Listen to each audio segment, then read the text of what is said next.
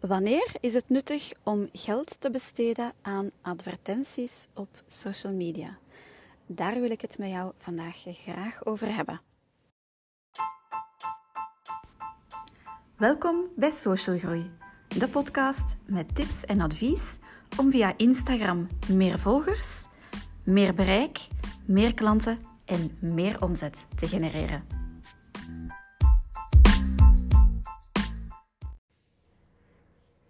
Welkom bij een nieuwe aflevering van Social Groei.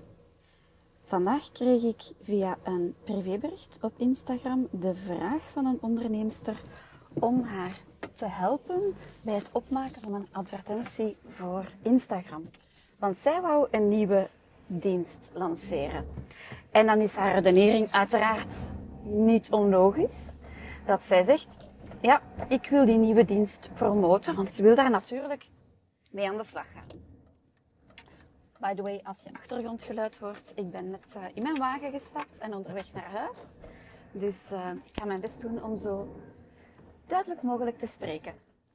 Anyway, um, mijn advies aan haar was om dat in ieder geval op dit moment niet te doen. En de reden daarvoor is omdat haar profiel, en ik heb het nu over haar Instagram profiel, alles behalve optimaal ingesteld is op dit moment. En ik maakte bij haar ook de vergelijking.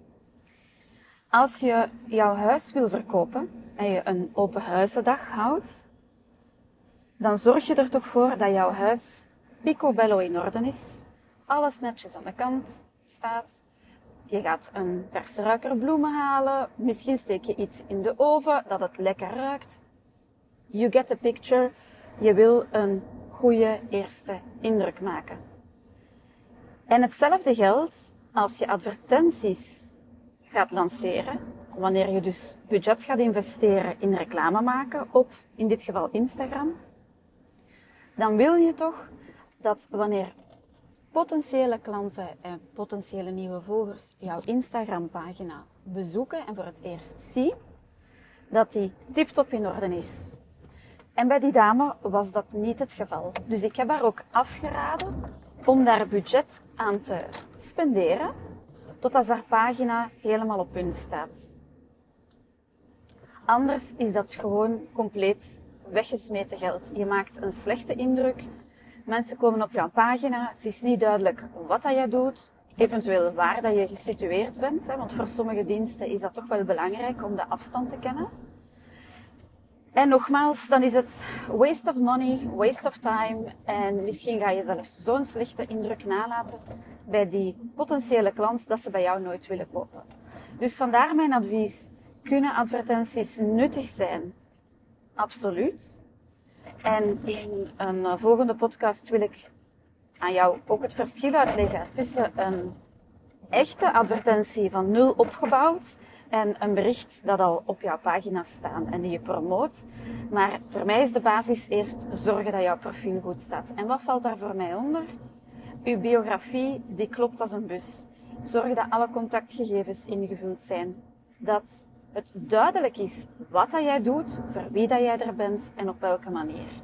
En daarnaast de nodige highlights, maar ook dat jouw content, dus de inhoud van jouw grid, jouw rooster op Instagram, dat dit resoneert met jouw ideale klant. Dat als ik op jouw pagina kom, kom liever voor de allereerste keer dat ik in één opslag, oogopslag zie wat jij doet, of dat überhaupt voor mij interessant is.